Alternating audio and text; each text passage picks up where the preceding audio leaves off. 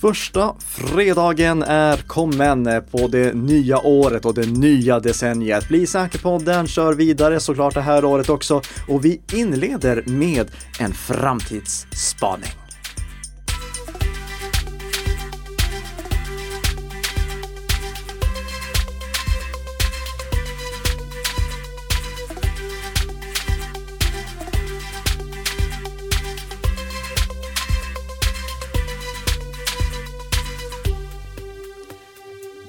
God morgon, god morgon Tess Hamark. God morgon Karl-Emil Nicka. Eh, som kommer från Nicka Systems respektive Bredband2. Ja det gör Eh, vi, i- nu fick vi sagt det. Omvänd ordning också, för jag tror vi glömde säga det i förra avsnittet. Jag tror det är med. Mm. Så här var den. Mm, nu är det med. Mm.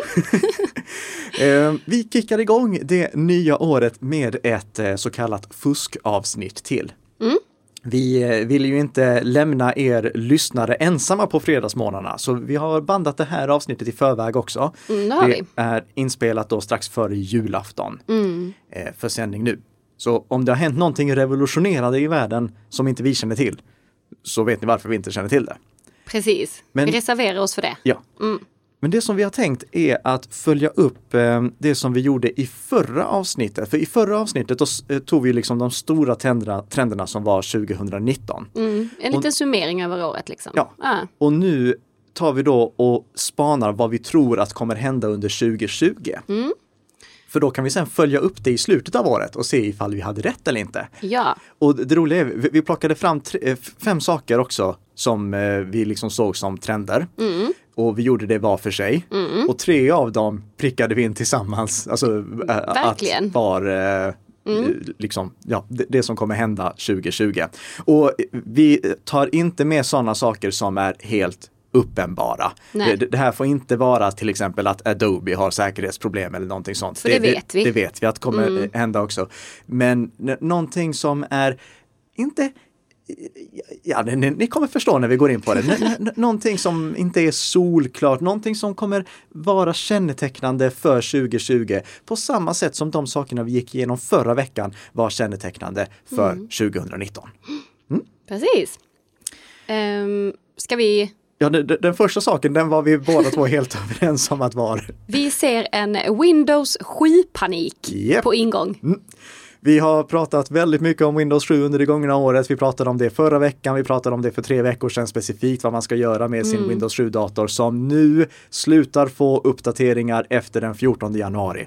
Och du som sitter och kollar på kalendern nu, ja 14 januari är alltså sista uppdateringen som släpps för Windows 7. Därefter måste du göra någonting av det som vi har gått igenom i tidigare avsnitt. Och det här vet vi ju i och med att var tionde Windows 7-dator i Sverige och betydligt mer däröver internationellt sett fortfarande inte har uppdaterats till någon nyare version. Eh, Det, det kommer orsaka problem. Det kommer vara Ja, vilken panik pratar vi om här? vi pratar inte om paniken som eh, är hemma hos konsumenter, Nej. eh, utan vi pratar om paniken som är på företag. Mm. Att oops, det här har vi missat. Ja, Precis. Alltså, det- det har varit känt i fem Mm. år att det, det här datumet kommer. Men nu, nu är det väldigt nära, nu är det liksom bara dagar det handlar om.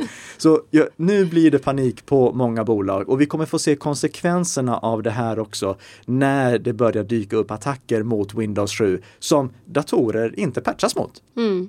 Eh, Precis samma sak som hände med Windows XP. Jag trodde i och för sig att det skulle bli ännu, ännu värre med eh, Windows XP-attacker de första eh, månaderna efter att Windows XP slutade underhållas med säkerhetsuppdateringar. Men så var inte fallet. Så var inte fallet. Det, det, det blev inte liksom något superallvarligt. Det blev inte något massivt utbrott. Eh, Microsoft gick i och för sig ut och patchade. De, de- de har släppt eh, bara under det gångna året en Mm. extra säkerhetsuppdatering till Windows XP som patchade ett för allvarligt säkerhetshål som liksom hade kunnat vara någonting som slog ut hela internet ifall det Mm. missbrukades eh, i full utsträckning. Eh, eh, miss, slog ut hela internet, okej nu överdrev jag. Eh, men det, det hade kunnat få ödesdigra konsekvenser för väldigt många organisationer och det hade kunnat få följdeffekter som drabbade liksom, eh, hela världen. Mm. Eh, vi får se om det dyker upp någonting sånt med eh, Windows 7 nu under det här året, första året som vi kör utan säkerhetsuppdateringar till Windows 7. Mm. Men eh, jag, jag, tror att vi kommer få se dels eh, panik på organisationen nu när de eh, liksom har det svart på vitt. Nu har vi inte längre säkerhetsuppdateringar. Mm. Och vi kommer få se de första attackerna som drabbar Windows 7-datorer för att de inte har fått eh, uppdateringarna som de hade behövt få. Ja. Ehm, spaning nummer två va? Vi har ju sett eh, att eh, nätfiskattacker blir smartare och smartare och det blir svårare att eh, att identifiera dem. Mm. Och vi tänker att nu är det tid för AI versus AI. Och det är en rubrik som jag skulle vilja ha för att det har varit väldigt mycket prat under de gångna åren kring att vi ska skydda oss med hjälp av artificiell intelligens, alltså mm. AI. Eh, när, när det gäller de skydden så är det som jag har sagt tidigare att jag har alltför dålig inblick i hur riktig AI fungerar. Och med riktig AI så menar jag sånt som inte bara är ett program som gör olika saker beroende på omständigheter utan någonting som faktiskt lär sig. Mm. Eh, så jag, jag, kommer inte prata om det. Det borde vi däremot göra ett avsnitt om där vi bjuder Absolut. in någon expert på AI. Det tycker jag. Eh, men i alla fall, det har vi sett. Vi har sett eh, klientskydd som använder AI. Si mm. Silence till exempel som vi har nämnt vid några tidigare ja, tillfällen. Det. det använder artificiell intelligens för att skydda datorn. Mm. Och den artificiella intelligensen blir bättre och bättre. Men inte bara för de som vill skydda oss. Nej, den blir också inte. bättre och bättre för angriparna. Mm. Angriparna får tillgång till bättre verktyg för att kunna attackera oss. Så nu tror jag att vi under 2020 får se en kapprustning där AI inte bara ska kunna skydda oss mot de traditionella attackerna utan också mot attacker som görs av annan artificiell mm. intelligens.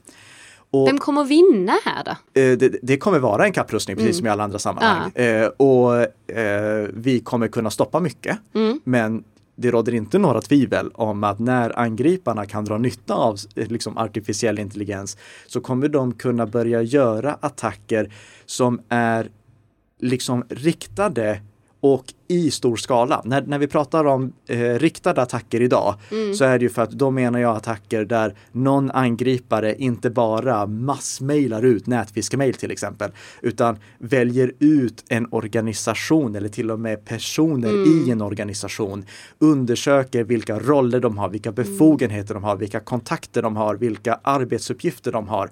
Eh, för det kan man få på LinkedIn till exempel. Ja, precis. det, och gärna liksom... gå via en person för att egentligen nå en annan person. Exakt. Mm den, den typen av attacker. Mm. Eh, och det tar tid att göra idag. Att, liksom kartlägga en person och se till att mejlet, eh, nätfiskemejlet eller attacken, hur det nu än är, utförd, blir så riktad och perfekt som möjligt. Mm.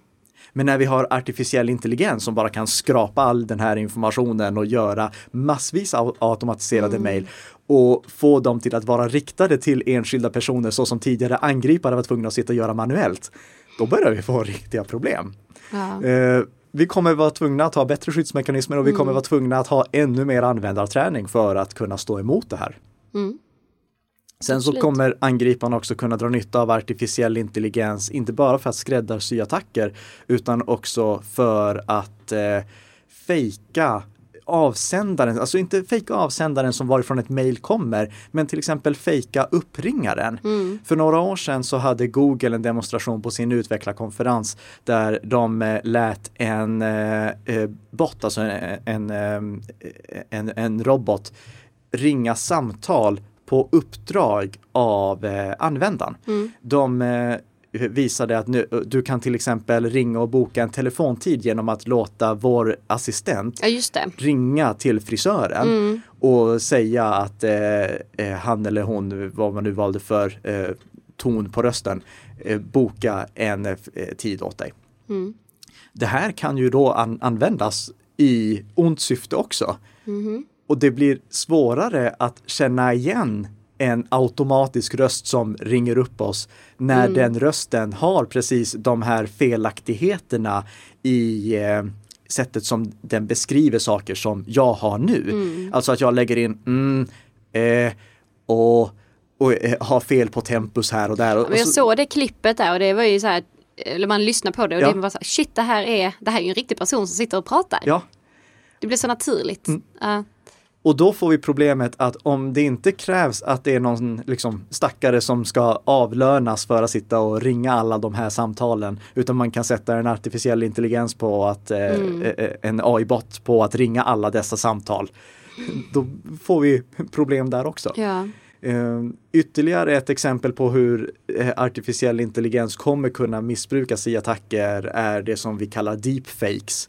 Ja, just Där, eh, med hjälp av artificiell intelligens så kan eh, videoklipp förvrängas så att eh, det egentligen är ett annat ansikte i, en videoklipp, i, i ett videoklipp än vad det ser ut att vara. Så till exempel att eh, vår statsminister uttalar sig om någonting som låter väldigt konstigt. Ja. Men det ser ut, det är han som är på bilden och därför tror man att det är han som Precis. pratar. Mm. Eller att eh, det, man till och med använder den datan som finns om vår statsminister men lägger. Mm. andra ord i munnen på honom.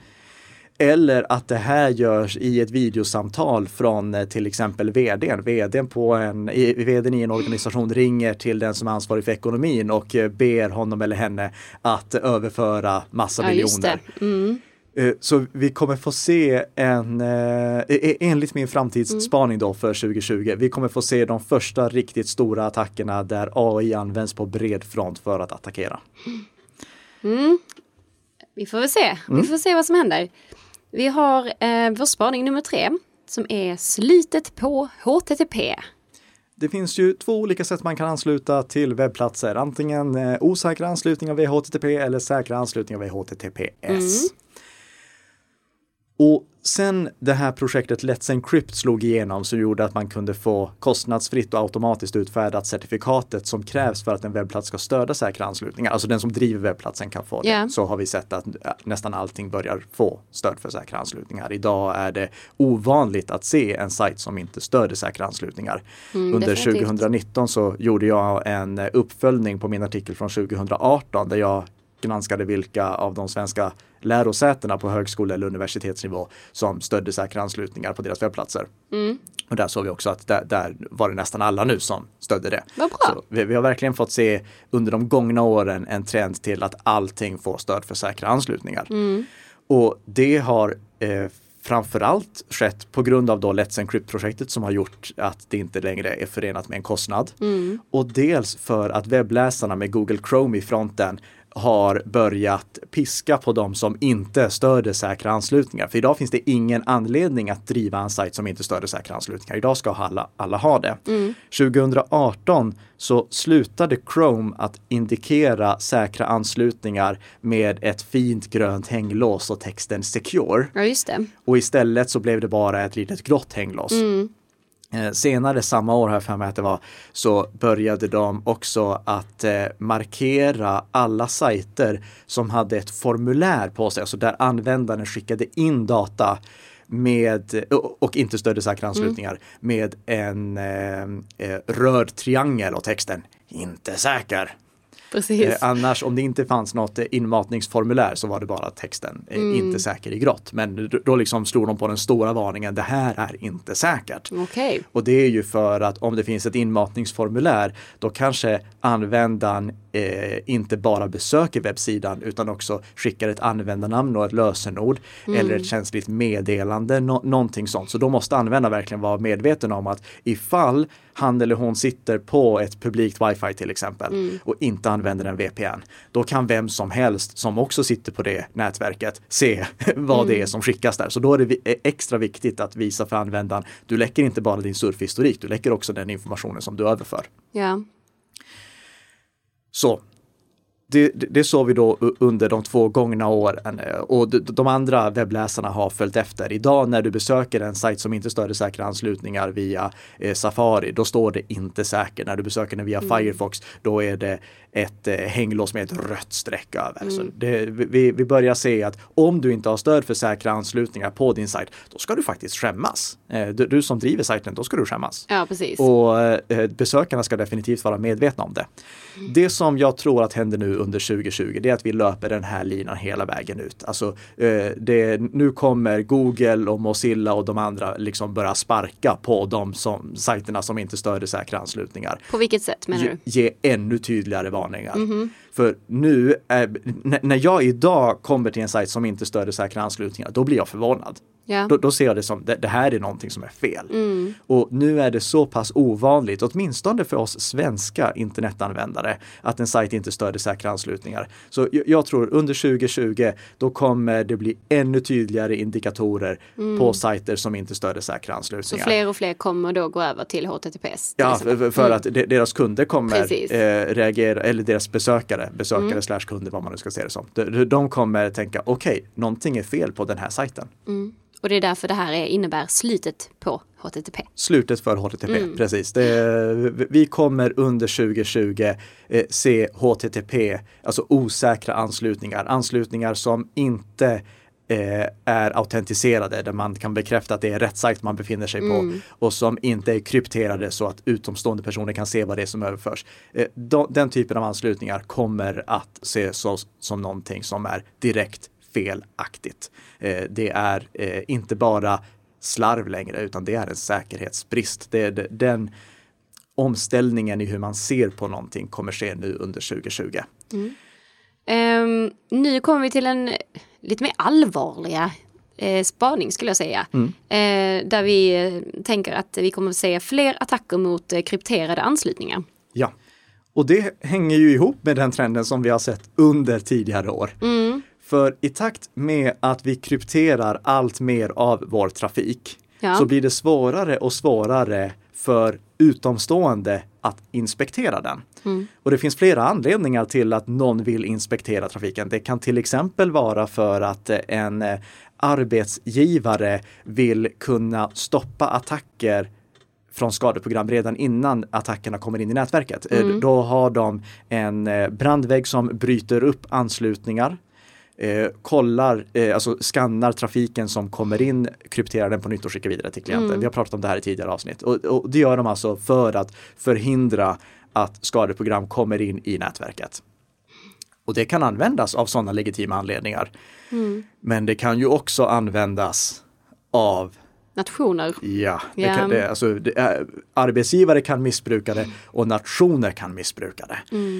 Vi pratade i fjol om det som eh, eh, Kazakstan började, var, var det Kazakstan eller Kirgizistan? Det var Kazakstan. Kazakstan, Mm. Det ber om ursäkt om till.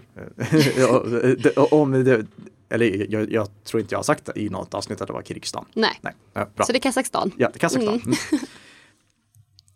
eh, där eh, de krävde att de som bodde i landet skulle installera ett certifikat på sina enheter för att eh, Eh, staten skulle kunna dekryptera den trafiken som gick in och ut Och det var då ett statsutfärdat certifikat. Precis. Det var de som... Eh, och, och det var då alltså exakt samma sak som Mm. sker på organisationer. Eh, i, I organisationer så är det så att eh, då har eh, IT-avdelningen skjutit ut det här certifikatet till alla enheter så att de kan dekryptera trafiken. Och det sker ju då bara på organisationens egna enheter, inte på någons privata enheter. Eh, det här är en av anledningarna till att man inte ska göra privata saker på företagsnät. Mm. Eh, om det nu sker på företagsnätverket. Men det, det som de ville i Kazakstan, som vi också kan tipsa om det tidigare avsnittet om, det var att alla skulle installera det här certifikatet på sina privata enheter för att kunna använda internet. Ja, det är så fruktansvärt. Om man inte hade det installerat, då kom man inte åt internet, utan man var tvungen att installera det för att kunna komma åt internet. Och det som skedde då,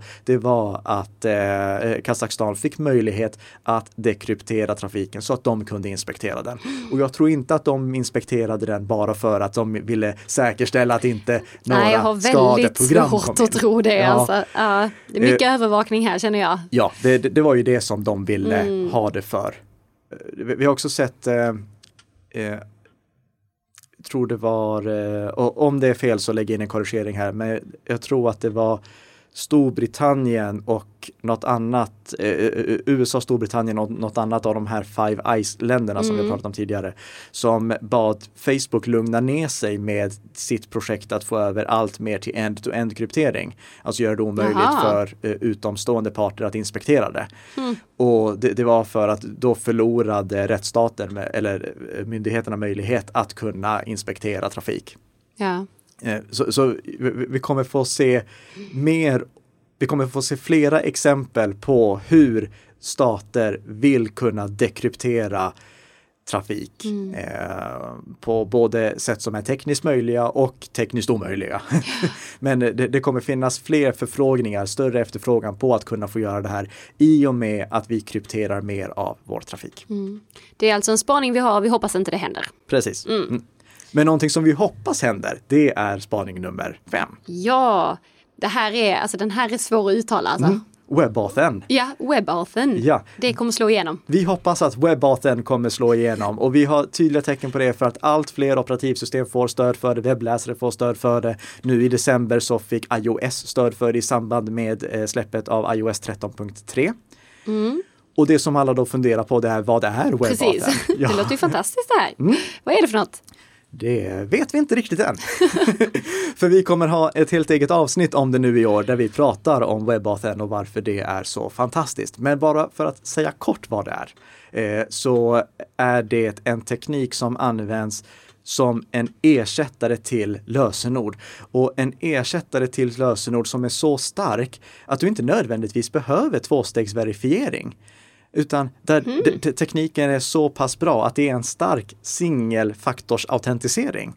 Wow! Ja, den kommer absolut inte göra att lösenord inte används längre. Det, det, är inte så att eh, alla kommer gå över till WebAuthn. Men den kommer däremot att eh, vara någonting som eh, ersätter lösenord i flera sammanhang. Jag tror framförallt i företagsmiljö. Mm. Eh, för alltså WebAuthn är ganska praktiskt och har problem också, vilket vi kommer komma in på i avsnittet. Mm. Men jag tror faktiskt att 2020 blir året då WebAuthn slår igenom som en eh, branschöverskridande ersättare till lösenord. Och då menar jag ersättare i den bemärkelsen att man kan ersätta lösenord i vissa sammanhang. Inte att alla lösenordsinloggningar ersätts med WebAuthn. Och det här låter ju helt fantastiskt och det vill du definitivt inte missa. Det säkraste sättet att inte missa det, det är att göra precis som du förhoppningsvis gjorde redan 2019, nämligen att prenumerera på Bli säker-podden. Ja. För då får du ett nytt avsnitt varje vecka varje fredag med Tess och Nicka som underhåller dig och gör dig lite säkrare för varje vecka som går. Du har ju dessutom möjlighet att skicka in lyssnarfrågor och vissa veckor, då hinner vi till det. Vi ska förhoppningsvis bli bättre på det och bara för att visa hur gärna vi vill uh, ha med en lyssnarfråga i varje avsnitt så tar vi det det här avsnittet också. Woohoo! Ja. Oh, årets första lyssnarfråga. Yep. Som vi fick in eh, förra året får man säga. Ja, ja. från Paul på Twitter. Paul på Twitter. Och Paul skriver Hej Nico och Tess! Tack för en superbra podd. Den har verkligen gjort underverk för hur jag tänker kring IT-säkerhet. Och eh, en parentes här, jättekul att höra Paul. Ja, absolut. Det är, ja. Sånt här gör mig jätteglad. Det är, mm. All feedback uppskattas. Mm. Paul fortsätter. Nu till min fråga. Bland annat Bitdefender erbjuder i Windows-versionen en brandvägg och om jag har förstått saken rätt så ska man ju inte ha dubbla brandväggar. Frågan är om det finns någon fördel att använda Bitdefender-brandväggen framför Windows-väggen. Mm. Mycket bra fråga får jag säga. Ja. Mycket bra fråga. Mm -hmm. Det som Paul syftar på här det är alltså att ha dubbla brandväggar på sin dator. Att man har eh, eh, eh ett klientskydd och ytterligare en brandvägg, eh, vilket troligtvis ställer till problem. Ja jag vill bara flika in här och vill poängtera att det här var inte det som Paul menade utan jag, jag, vill bara göra ett förtydligande här för alla lyssnare. Jag uppmanar ju alla att ha dubbla brandväggar på ett sätt. Mm. För jag, jag säger att du ska både ha brandväggen i din router och brandväggen på din klient. Mm. Så eh, på sätt och vis blir det dubbla brandväggar då om man ser det ur det perspektivet. Men hur som helst, eh, nej du ska inte ha dubbla brandväggar på din dator. Du, eh, men om du installerar något av de moderna klientskydden, då får du en eh, brandvägg därigenom. Antingen en som bygger vidare på Windows-brandväggen eller som ersätter Windows-brandväggen. Mm. Olika tillverkare gör på lite olika sätt. Mm. Och de här brandväggarna som klientskydden erbjuder, de är oftast bättre ur dels översiktsperspektiv, att du kan se vad det är som händer på ett bättre sätt än vad du kan göra i Windows-brandväggen. Mm. Och sen har den framförallt mer konfigurationsmöjligheter. Du kan lättare, enklare och eh, på ett tydligare sätt ställa in vad det är du vill tillåta och vad du vill blockera. Mm. Så du får en bättre översikt och du kan noggrannare konfigurera den brandväggen om du själv vill anpassa vad den ska släppa igenom, när den ska släppa igenom det, respektive vad den inte ska släppa igenom och när den inte ska släppa igenom det. Mm.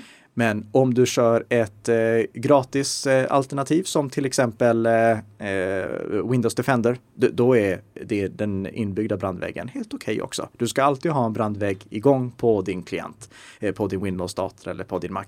Men eh, om du har möjlighet att välja ditt klientskyddsbrandvägg istället för Windows, då hade jag gjort det ur framförallt ett översiktsperspektiv, pedagogiskt perspektiv och ett konfigurationsperspektiv. Mm. Härligt! Mm.